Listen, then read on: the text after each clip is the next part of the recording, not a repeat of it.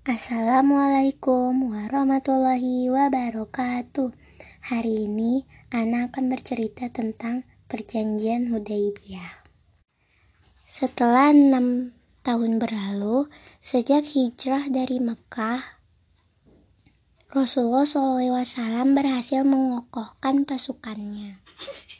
Masyarakat Islam serta daulah Islam menjadi disegani semua bangsa Arab. Setelah itu, beliau mulai memikirkan langkah lain. Langkah-langkah tersebut adalah cara untuk semakin menguatkan dakwah daulah Islam dan melemahkan musuh-musuhnya telah sampai kepada beliau bahwa penduduk Khaybar dan Makkah telah membentuk kesepakatan untuk memerangi kaum muslim. Untuk menghadapinya, beliau merumuskan strategi kebijakan yang bisa mengantarkan pada terbentuknya perjanjian damai dengan ben dengan penduduk Makkah, sehingga diharapkan dapat menghasilkan suatu kondisi yang menjamin tidak adanya peperangan antara beliau dan bangsa Arab serta mempermudah penyebaran dakwah di Jazirah Arab sekaligus dapat mengisolir penduduk Khaybar dari kafir Quraisy. Beliau melihat bahwa strategi ini hanya bisa dilakukan dengan mengunjungi Baitullah di Masjid haram yang, yang dilakukan dengan damai, sehingga akan mengantarkan pada maksud politis beliau. Beliau juga melihat bahwa dengan tidak adanya peperangan dengan bangsa Arab di bulan-bulan haram, akan memudahkan beliau untuk menetap, menerapkan strategi tersebut. Mengetahui bahwa persatuan Quraisy telah terpecah dan ketakutan terhadap kaum muslim menyergap jiwa mereka. Strategi ini telah dirancang beliau dengan beribu kali pertimbangan. Karena itu, beliau berencana pergi ke Bait Al-Haram untuk menunaikan ibadah haji. Jika kaum Quraisy menghalang-halangi ibadah hajinya, maka larangan itu menjadi alasan bagi beliau untuk mendakwahkan Islam di seluruh bangsa Arab, sekaligus sebagai sarana untuk melancarkan propaganda menentang Quraisy. Karena itu, Rasulullah SAW mengizinkan berhaji di bulan Zulqa'dah dan mengirimkan beberapa delegasi ke kabilah-kabilah Arab non-Muslim. Mengajak serta mereka ikut bersama beliau keluar menuju Baitullah dalam keadaan aman dan damai tanpa perang. Hal ini dimaksudkan untuk memberitahu kepada bangsa Arab bahwa beliau keluar untuk berhaji, bukan untuk berperang. Bersama beliau turut pula orang-orang Arab non-Muslim dan mereka tidak seagama dengannya. Karena beliau tidak untuk berperang, melainkan untuk meraih opini umum yang akan berpihak kepada beliau. Seandainya kafir Quraisy mencegah beliau berhaji, beliau telah menetapkan langkah perdamaian. Karena itu, beliau tidak mengizinkan kaum muslim membawa senjata, kecuali pedang-pedang yang tersimpan di dalam sarungnya. Beliau mengumumkan bahwa rombongannya keluar untuk berhaji bukan untuk berperang. Rasul SAW meninggalkan kota Madinah bersama dengan 1.400 orang laki-laki. Beliau berada di barisan terdepan menunggang untanya Al-Kiswa yang berdiri dengan 70 ekor unta lainnya. Beliau memakai baju ihram untuk umroh agar dapat menunjukkan kepada umat manusia bahwa beliau tidak bermaksud perang. Beliau keluar hanya untuk mengunjungi Baitullah Al-Haram. Setelah melampaui Madinah dan melintasi kurun sejauh 6 atau 7 mil, rombongan haji ini sampai di Zul Halifah dan mereka mengucapkan talbiyah untuk umroh dari sana. Kaum muslim terus bergerak ke arah Mekah. Berita mereka sampai juga kepada kaum Quraisy yang memberitahukan bahwa kaum muslimin datang untuk haji, bukan untuk perang. Kafir Quraisy khawatir hal itu hanya siasat Muhammad SAW untuk memasuki Mekah. Kemudian menyerang penduduknya. Mereka memikirkan hal tersebut beribu kali dan akhirnya memutuskan untuk menghalang halangi Muhammad SAW masuk Mekah. Seberat apa pun pengorbanan yang harus mereka lakukan, kafir Quraisy pun menyiapkan pasukan untuk menghadapi kaum muslim dan mencegah mereka memasuki Mekah. Mereka mengangkat Khalid bin Walid dan Ikrimah bin Abu Jahal memimpin pasukan yang sangat besar, yang pasukan berkudanya saja berjumlah 200 orang.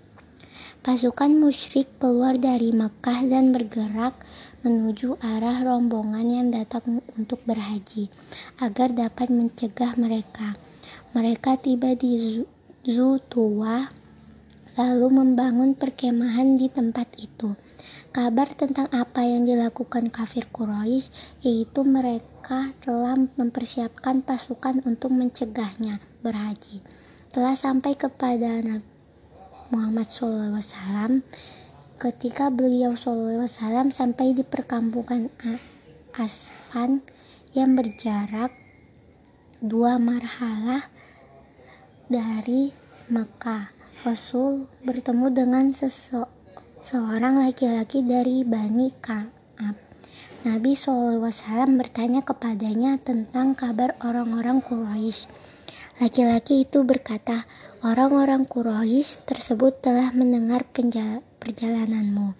Mereka keluar dengan membawa perisai dan memakai baju kulit macan tutul. Mereka membangun perkemahan pasukan di Zutuwa. Di sana mereka bersumpah pada Allah akan mencegah engkau selamanya untuk masuk masuk Mekah. Dalam pasukan mereka terdapat Khalid bin Walid. Mereka maju mereka bergerak maju ke Kiro al-Gomim, suatu tempat yang jauh dari perkemahan kaum muslim di Asfan sejauh 8 mil. Mendengar kabar ini, Rasul SAW berkata, Celakalah orang-orang Quraisy, sungguh peperangan telah memakan habis diri mereka. Apa yang akan mereka lakukan andai mereka membiarkan antara diriku dan seluruh orang Arab? Jika mereka memerangiku, berarti itulah yang mereka kehendaki. Jika Allah memenangkanku atas mereka, pasti mereka masuk Islam berbondong-bondong. Dan jika mereka tidak melakukannya, maka seluruh orang Arab beserta kekuatannya akan memerangi mereka. Lantas apa yang kafir Quraisy rencanakan? Demi Allah, aku akan terus berjihad atas dasar kebenaran yang utus Allah yang aku diutus Allah dengannya sehingga hingga Allah memenangkan kebenaran itu atau aku binasa karenanya. Artinya beliau akan terus berjuang hingga memperoleh kemenangan atau mati. Di sini beliau SAW berpikir tentang perkara yang sedang dihadapinya. Beliau mengevaluasi kembali kebijak kebijakan yang telah digariskannya. Beliau memang telah menetapkan keputus keputusan menggunakan jalan damai dan tidak menyiapkan diri untuk berperang. Namun kenyataannya beliau melihat bahwa kafir Quraisy telah mengirim pasukan untuk memerangi dirinya. Sementara beliau tidak ingin berperang. Jika demikian, kenyataannya apakah Rasul SAW harus kembali ke Madinah ataukah mengubah kebijakan damai dan beralih mengambil strategi perang? Beliau mengetahui bahwa kaum muslim dengan keimanannya mampu menghadapi perlawanan pasukan musuh dan terjun ke kancah peperangan meski mereka belum menyiapkan perang sama sekali. Akan tetapi, Beliau datang bukan untuk berperang dan memang tidak menetapkan untuk pergi berperang. Beliau datang untuk berhaji dan dalam keadaan damai. Seandainya beliau dipaksa dihalang-halangi pergi berhaji, beliau sebenarnya mampu mengatasi hambatan ini. Beliau memecahkan persoalan ini hanya menggunakan cara damai, tidak dengan cara perang dan tidak akan terjun ke kancah peperangan. Kebijakan damai yang telah digariskannya, beliau maksudkan untuk membentuk opini umum di kalangan seluruh bangsa Arab tentang dakwah Islam dan keluhurannya, juga untuk membentuk opini umum di kalangan Quraisy dan di seluruh Mekah mengenai keluhuran dakwah ini, serta membentuk opini umum di kalangan bangsa Arab. Quraisy dan penduduk Mekah tentang kesalahan Quraisy, kesesatan, kejahatan, dan permusuhan mereka. Beliau menginginkan opini umum ini bisa membentuk iklim dakwah yang kondusif karena keadaan mereka merupakan keadaan tersebut merupakan salah satu faktor pendukung dakwah yang paling besar dalam penyebaran dan pencapaian kemenangan Islam. Berdasarkan hal ini, beliau menetapkan strategi kebijakan damai dan tidak menetapkan strategi perang. Jika tetap melakukan perang, berarti beliau telah menyalahi strategi itu sendiri dan merusak aspek yang menjadi alasan beliau keluar dari Madinah. Karena itu, beliau berpikir keras tentang apa yang harus dilakukan. Dalam pikirannya, pandangan beliau mampu membaca jauh ke depan berdasarkan pengalamannya yang banyak dan kecermatan strateginya dibanding dengan pemikiran manusia mana pun. Dengan demikian, beliau tetap meneruskan strategi damainya, sehingga tidak merusak maksud beliau sendiri keluar dari kota Madinah dan tidak menyalahinya. Sementara itu, di tengah-tengah bangsa Arab, kaum Quraisy mempunyai alasan untuk menyerang Rasul. Jadi, opini umum ternyata berpihak kepada kafir Quraisy daripada terhadap beliau. Karena itu beliau menyaruh rombongannya. Siapa yang bersedia berjalan keluar bersama kami melalui sebuah jalan selain jalan mereka sendiri. Lalu seorang laki-laki keluar bersama mereka dan menunjukkan jalan kepada mereka. Mereka menyusuri jalan-jalan yang sulit dan bercadas di antara celah-celah gunung yang sempit. Rombongan Ros ini melewati jalan itu di tengah himpitan kesulitan, menjalani perjuangan yang melelahkan sampai akhirnya berhasil melewatinya. Mereka berjalan terus hingga Sal dan berhenti di lembah Mekah suatu tempat yang dinamakan Hudaybiyah dan di situlah mereka membuat perkemahan.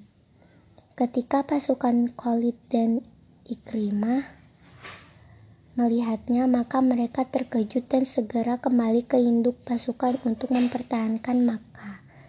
Jiwa mereka panik dan ketakutan karena kaum muslim berhasil melampaui pasukan mereka dan menempati daerah perbatasan Makkah.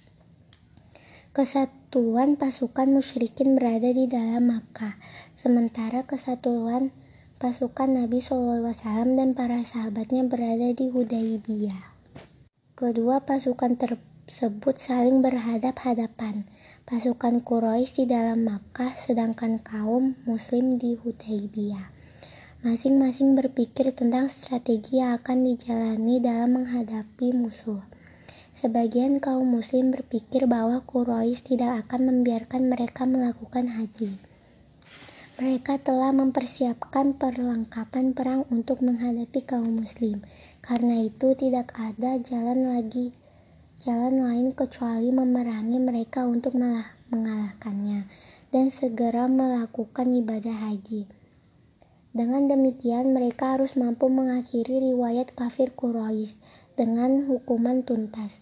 Sementara itu, Pihak Quraisy juga berpikir tentang mempersiapkan diri memerangi kaum muslimin dengan persiapan yang memungkinkan mampu menyerang dan menghancurkan mereka. Sehingga mereka terusir dari Makkah. Meski hal itu terus hal itu harus ditebus dengan kehancuran Quraisy sendiri, meskipun kafir Quraisy harus lebih dulu mempertimbangkan kekuatan kaum muslim beribu kali, pada akhirnya mereka memutuskan untuk tetap tinggal di Makkah sambil menunggu apa yang akan dilakukan kaum muslim. Adapun Rasulullah SAW sendiri tetap berpegang pada strategi yang telah digariskannya sejak beliau berniat ihram untuk umroh di Madinah, yaitu strategi damai. Beliau tetap berpegang pada prinsip ini hingga berhasil mencapai tujuannya. Beliau tetap bertahan di Hudaybiyah sambil menunggu apa yang akan dilakukan kaum Quraisy. Beliau tahu bahwa Quraisy gemetar karena takut terhadap dirinya. Mereka sepertinya akan mengirim urusan utusan kepada beliau untuk berunding tentang kedatangannya untuk berhaji. Quraisy kemudian mengirimkan Badil bin Waraqah, seorang laki-laki dalam rombongan Bani Kuzo'ah, sebagai utusan perundingan. Tugas yang harus dijalankan adalah bertanya kepada Rasulullah SAW mengenai tujuan datang ke Makkah. Tidak lama setelah perundingan, akhirnya mereka puas karena ternyata kaum muslim tidak datang, tidak datang untuk maksud perang. Melainkan mereka datang untuk mengunjungi Baitullah demi mengagungkan kemuliaannya. Setelah itu, Utusan tadi kembali untuk meyakinkan Quraisy dengan kabar tadi dan berusaha keras meyakinkannya. Sehingga Quraisy mencurigai mereka telah berpihak kepada Muhammad SAW. Mereka tidak mempercayai ucapan para utusan ini.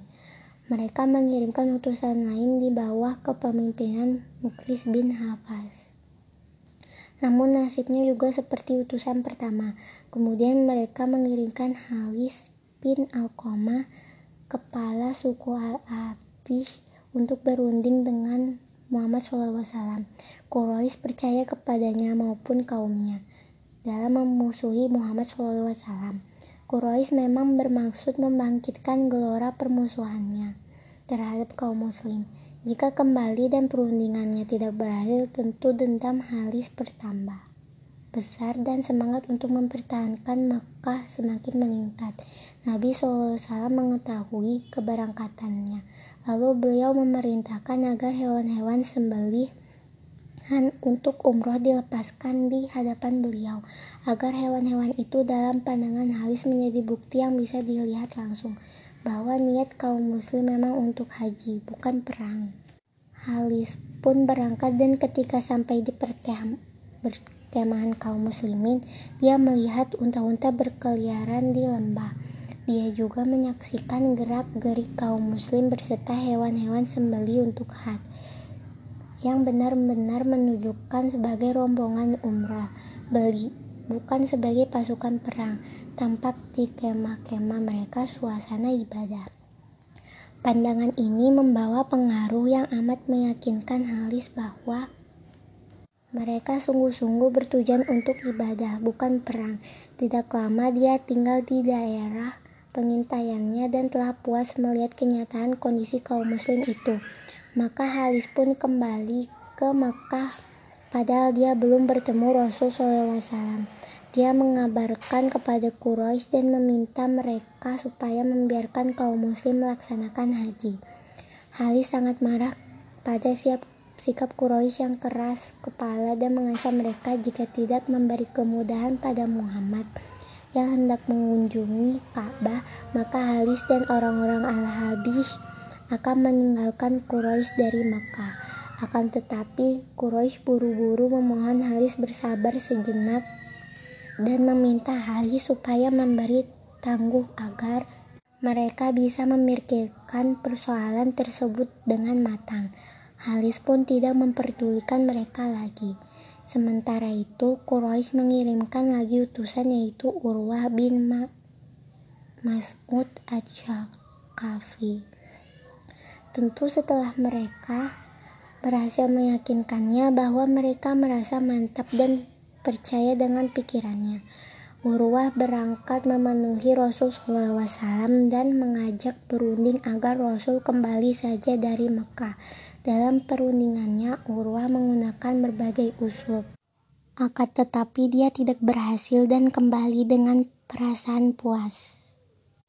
Dengan cara pandangan Rasul SAW, dia berkata kepada Quraisy, Hai orang-orang Quraisy, sesungguhnya aku pernah mendatangi Kisra di kerajaannya dan kaisar di imperiumnya.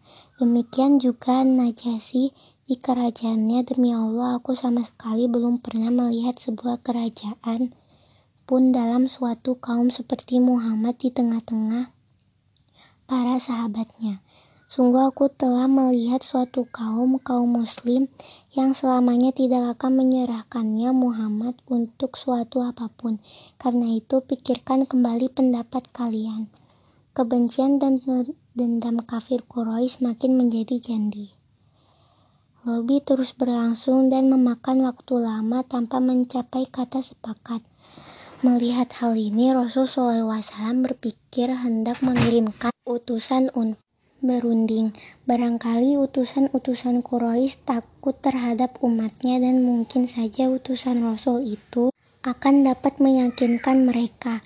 Lalu Rasul mengutus Quraisy bin Umayyah al-Khuzai menemui mereka. Akan tetapi mereka melukai utusan ini dan hendak membunuhnya. Seandainya tidak ada pembelaan dari suku Alabish, kemarahan Quraisy semakin membara. Di tengah malam mereka mengirim beberapa orang bodoh untuk melempari kemah-kemah kaum muslim dan dengan batu kaum muslim marah. Bahkan mereka sempat berpikir untuk memerangi kafir Quraisy. Akan tetapi Rasul SAW berhasil meredakan kemarahan mereka dan menenangkannya. Tersiar kabar bahwa 50 orang dari Quraisy telah keluar untuk mendatangi perkemahan kaum muslim dengan tujuan menyerang dan menghancurkan mereka tanpa menyisakan seorang pun dari para sahabat Nabi. Namun rencana aksi tersebut diketahui oleh kaum muslim. Lalu mereka ditangkap dan dihadirkan ke hadapan Rasulullah. Beliau memaafkan mereka dan melepaskannya. Tindakan tersebut punya pengaruh besar di Makkah dan menjadi bukti kuat yang menunjukkan kebenaran Muhammad SAW tentang ucapannya yang menyatakan beliau datang untuk haji, bukan perang. Dengan demikian, opini umum di Mekah berpihak kepada Rasulullah SAW. Sehingga seandainya beliau pada waktu itu masuk Mekah dan Quraisy berusaha mencegahnya. Tentu akibatnya harus mereka hadapi dan penduduk Mekah serta bangsa Arab akan memusuhi mereka. Karena itu kafir Quraisy berusaha meredam kemarahan mereka sendiri dan mencoba memikirkan lagi persoalan ini. Sedikit demi sedikit keadaan di Makkah mulai menampakkan tanda-tanda ke arah damai. Rasul SAW pun ingin mengirimkan utusan yang akan berunding dengan kafir Quraisy. Beliau meminta Umar bin Al-Khattab berangkat ke Mekah, namun dia memberi alasan kepada Rasul. Wahai Rasul, aku khawatir kafir Quraisy akan membunuhku, sementara di Mekah tidak satupun Bani Adi bin Ka'bah yang akan melindungiku. Permusuhan dan kekerasanku terhadap mereka sangat sengit. Akan tetapi aku mengusulkan kepadamu seseorang yang telah mampu daripada aku, yaitu Utsman bin Affan. Nabi SAW memanggil Utsman dan mengutusnya memenuhi Abu Sufyan. Maka Utsman berangkat memenuhi kaum Quraisy dan menyampaikan kepada mereka misi surat Nabi SAW. Mereka berkata, jika engkau hendak tawaf di Baitullah, maka tawaflah Utsman menjawab. Aku tidak akan melakukannya hingga Rasul SAW juga tawaf. Kemudian Utsman berunding dengan mereka tentang pentingnya tawaf Rasul. Namun Quraisy menolak usulan itu. Perundingan di antara mereka menjadi berkepanjangan dan terus berlangsung. perundingan beralih dari persoalan penolakan Quraisy mengarah pada kesepakatan baru yang akan mengakomodir kepentingan Quraisy dan kepentingan kaum muslim. Mereka membahasnya dengan Utsman tentang kemungkinan membentuk hubungan antara mereka dengan Muhammad SAW. Mereka juga bersikap baik terhadap Utsman untuk menemukan jalan yang dapat membebaskan mereka dari situasi sulit dan dari permusuhan mereka dengan Muhammad SAW yang berkepanjangan. Kepergian Utsman terlalu lama di Makkah, sementara tanda-tanda keberadaannya di Makkah juga tidak tampak. Sampai akhirnya tersebar isu di kalangan kaum muslim bahwa Quraisy telah memperdaya Utsman dan membunuhnya.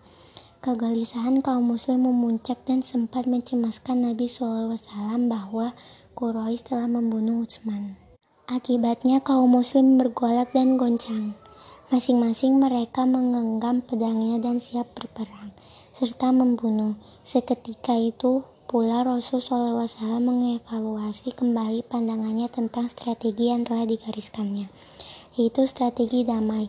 Beliau melihat bahwa perkembangan baru itu membutuhkan peninjauan ulang terhadap kebijakannya tersebut, khususnya telah khususnya setelah melihat adanya tanda-tanda bahwa kafir Quraisy memperdaya Utsman dalam bulan haram, padahal dia utusan juru runding. Karena itu, beliau berkata, Janganlah kita meninggalkan tempat ini hingga memerangi kaum itu. Beliau memanggil sahabat-sahabatnya, lalu diajaknya berdiri di bawah sebuah pohon seraya meminta mereka memberikan bayat kepadanya. Mereka semua berbayat untuk tidak lari dari peperangan hingga mati. Mereka sangat bersemangat dalam kekuatan yang luar biasa dan kebenaran keimanan ketika setelah mengadakan bayat Rasulullah SAW memukulkan salah satu tangannya kepada lainnya sebagai tanda bayat untuk Utsman. Seakan-akan Utsman hadir bersama mereka. Bayat ini dinamakan bayat Ridwan.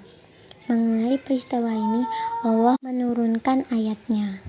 Sesungguhnya Allah telah ridho terhadap orang-orang mukmin ketika mereka membaiatmu di bawah pohon.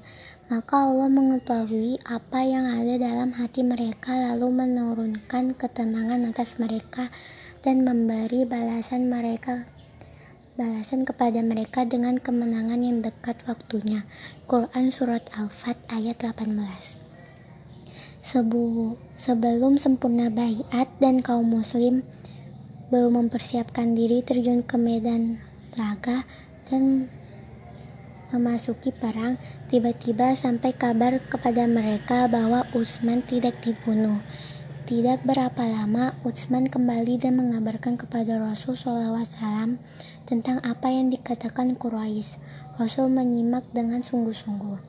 Lalu perundingan damai antara Rasul SAW dan Quraisy diperbarui. Quraisy mengirimkan Suhail bin Amru untuk berunding dengan Rasul SAW dengan agenda yang lebih luas dari sekedar masalah. Haji dan umroh melebar ke arah sebuah perjanjian damai yang akan ditetapkan antara beliau dan mereka dengan dasar bahwa beliau harus meninggalkan Makkah tahun ini. Rasul SAW menerima perundingan damai. Dengan asas tersebut, karena perjanjian tersebut telah merealisir maksud beliau dalam melakukan kunjungan ke Baitullah. Lagi pula tidak menjadi masalah baginya untuk mengunjungi Baitullah tahun ini atau tahun depan. Beliau berkeinginan mengisolir Khaybar dari Quraisy dan membersihkan rintangan antara beliau dengan bangsa Arab untuk kepentingan penyebar luasan dakwah Islam. Beliau setuju menetapkan perjanjian antara beliau dan Quraisy yang akan menghentikan perang terbuka antara beliau dan mereka maupun perang-perang lain yang mungkin terjadi secara berusulan. Adapun masalah haji dan umroh tidak akan berpengaruh apakah akan dilaksanakan sekarang ataukah tahun depan. Rasul memasuki proses perundingan dengan juru runding Suhail bin Amru dan terjadilah diskusi panjang lebar di antara kedua pihak berkenaan dengan perjanjian damai tersebut berserta syarat-syaratnya. Dalam beberapa kesempatan, diskusi tersebut ditingkahi beberapa interupsi dan nyaris batal. Seandainya tidak ada Rasul SAW kedalaman pengalamannya dan kejelian siasatnya. Kaum muslim berada di sekitar Rasul SAW, menyimak perdebatan tersebut dan mereka menganggap bahwa perbincangan itu berkenaan dengan umroh. Sedangkan Rasul SAW sendiri menganggapnya sebagai diskusi tentang penghentian perang. Karena itu, pandangan politik kaum muslim masih sempit.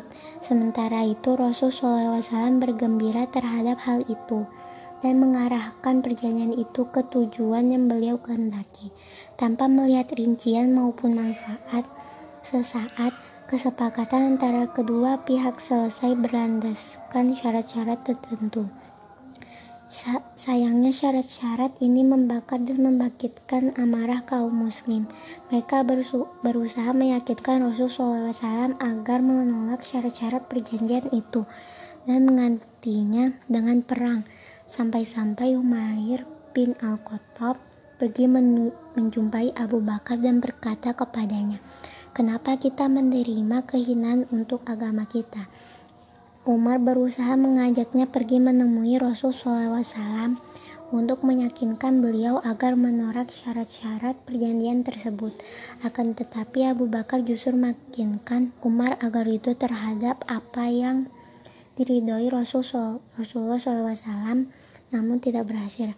Akhirnya ia pergi sendiri menghadapi Nabi SAW dan berbicara langsung kepada beliau dengan nada marah. Tetapi pembicaraan Umar tidak mampu mengubah kesabaran dan kekokohan Nabi SAW dan berkata kepada Umar, Aku adalah hamba Allah dan Rasulnya. Aku tidak akan pernah menyalahi perintahnya dan tidak dan dia tidak akan menyia-nyiakanku. Kemudian beliau memanggil Ali bin Abi Thalib dan berkata kepadanya, Tulislah olehmu Bismillahirrahmanirrahim. Maka Suhail berkata, aku tidak tahu apa itu, namun tulislah Bismika Allahumma. Rasulullah SAW menanggapi, tulislah olehmu Bismika Allahumma. Kemudian beliau melanjutkan, tulislah olehmu ini adalah perjanjian damai yang disepakati Muhammad Rasulullah dengan Suhail bin Amru. Maka Suhail pun memotong seandainya aku bersaksi bahwa engkau Rasulullah. Tentu aku tidak akan memerangimu, karena itu tulislah namamu dan nama bapakmu. Rasulullah SAW berkata, Tulislah olehmu, ini adalah perjanjian damai yang disepakati Muhammad bin Abdullah dengan Suhail bin Amru. Kemudian Ali melanjutkan menuliskan perjanjian di antara kedua pihak yang isinya sebagai berikut. A. Perjanjian ini adalah perjanjian gencatan senjata yang mengikat kedua belah pihak. Di antara kedua belah pihak tidak ada peperangan atau saling membunuh. B. Bahwa siapa saja dari Quraisy yang telah masuk Islam dan datang kepada Muhammad tanpa izin walinya, maka Muhammad harus mengembalikannya kepada mereka. Siapa saja yang murtad dari kaum muslim dan mendatangi Quraisy, maka mereka tidak akan mengembalikannya kepada Muhammad. C. Bahwa siapa saja dari bangsa Arab yang ingin ikut serta dalam kesepakatan Muhammad dan perjanjiannya, mereka tidak akan dihalangi. Demikian juga siapa saja yang ingin ikut serta dalam kesepakatan dan perjanjian Quraisy maka tidak akan dihalangi. D. Tahun ini Muhammad dan para sahabatnya harus kembali dari Mekah. Mereka boleh kembali ke Mekah pada tahun berikutnya. Mereka hanya boleh masuk dan tinggal di dalamnya selama tiga hari. Mereka hanya boleh membawa pedang-pedang yang tersimpan di dalam sarungnya dan tidak boleh membawa senjata lainnya. E. Perjanjian diadakan dalam batas waktu tertentu masanya selama 10 tahun sejak tanggal penandatangannya. Rasul SAW dan Suhail mendatangi menandatangani perjanjian di tengah gelora dan kemarahan pasukan kaum muslimin. Suhaib berdiri dan langsung kembali ke Mekah. Sementara Rasul, Rasulullah SAW masih berada di tempatnya dalam suasana kebingungan, kemarahan, dan ketidaksukaan kaum muslimin yang muncul dari semangat sikap keras dan harapan besar untuk berperang. Beliau menemui istrinya yaitu Ummu Salmah yang menyertainya dan mengabarkan kepadanya tentang kelakuan kaum muslimin. Dia berkata kepada beliau, Wahai Rasulullah, kaum muslimin tidak akan menentangmu. Sesungguhnya mereka sangat bersemangat untuk berperang karena agama dan iman mereka kepada Allah dan risalahmu. Karena itu, bersyukur dan bertahalulah niscaya engkau akan menemukan kaum muslimin mengikutimu. Kemudian kita kembali ke Madinah bersama mereka. Rasul SAW keluar menemui kaum muslimin. Beliau kemudian mencukur rambut sebagai penutup umrah. Jiwanya penuh dengan ketenangan dan ridho. Ketika kaum muslimin melihat Rasul tetap tenang, mereka segera melalui hari nahar dan ikut mencukur dan memendekkan rambut. Nabi SAW dan kaum muslimin kemudian kembali ke Madinah. Di tengah perjalanan pulang, turun surat Al-Fat kepada Rasul SAW. Beliau membacakannya kepada para mereka dari awal hingga akhir. Mereka semua akhirnya yakin bahwa perjanjian ini adalah kemenangan yang amat nyata bagi kaum muslimin kaum muslimin tiba di kota Madinah, Rasul SAW telah melaksanakan strateginya dalam menyelesaikan masalah Khoibar. Penyebaran dakwah di luar jazirah menstabilkan kondisi dalam negeri jazirah dan mengisi kekosongan waktu akibat adanya perjanjian damai dengan Quraisy untuk menyelesaikan permasalahan yang masih ada pada sebagian suku Arab serta menjalin hubungan luar negeri. Dengan demikian sempurnalah tujuan-tujuan itu. Berkat dilakukannya perjanjian ini, beliau SAW berhasil melaksanakan strategi yang telah beliau susun saat akan berhaji dengan cermat. Meskipun dihadang oleh berbagai kesulitan dan kekerasan, beliau akhirnya mencapai tujuan politik yang telah ditetapkannya, sehingga perjanjian Hudaibiyah merupakan kemenangan yang nyata dan di antara hasil-hasilnya antara lain sebagai berikut. Pertama, mengantarkan Rasulullah SAW kepada opini umum yang mendukung dakwah Islam di seluruh bangsa Arab pada umumnya, di Makkah dan dengan Quraisy pada khususnya. Hal itu menyebabkan semakin kuatnya kewibawaan kaum muslimin sekaligus melemahkan kewibawaan Quraisy. Kedua, menyingkap kepercayaan kaum muslimin kepada Rasulullah SAW menunjukkan kekuatan iman kaum muslimin dan kekokohan mereka dalam menghadapi marah bahaya sekaligus bahwa mereka tidak takut mati. Ketiga, mengajarkan kepada kaum muslimin bahwa manuver politik merupakan sarana dakwah Islam. Keempat, menjadikan kaum muslimin yang masih tinggal di Makkah di tengah-tengah kaum musyrikin untuk membentuk kantong-kantong dakwah di dalam jantung barak musuh. Kelima, menjelaskan bahwa toriko dalam politik harus berasal dari fikroh itu sendiri dan disertai kejujuran serta memenuhi janji. Sedangkan sarana politik harus mencerminkan kecerdikan, yaitu menyembunyikan sarana-sarana dan tujuan-tujuan politis yang sebenarnya dari pandangan musuh. Sekian dari Hana, maaf apabila ada salah kata. Wassalamualaikum warahmatullahi wabarakatuh.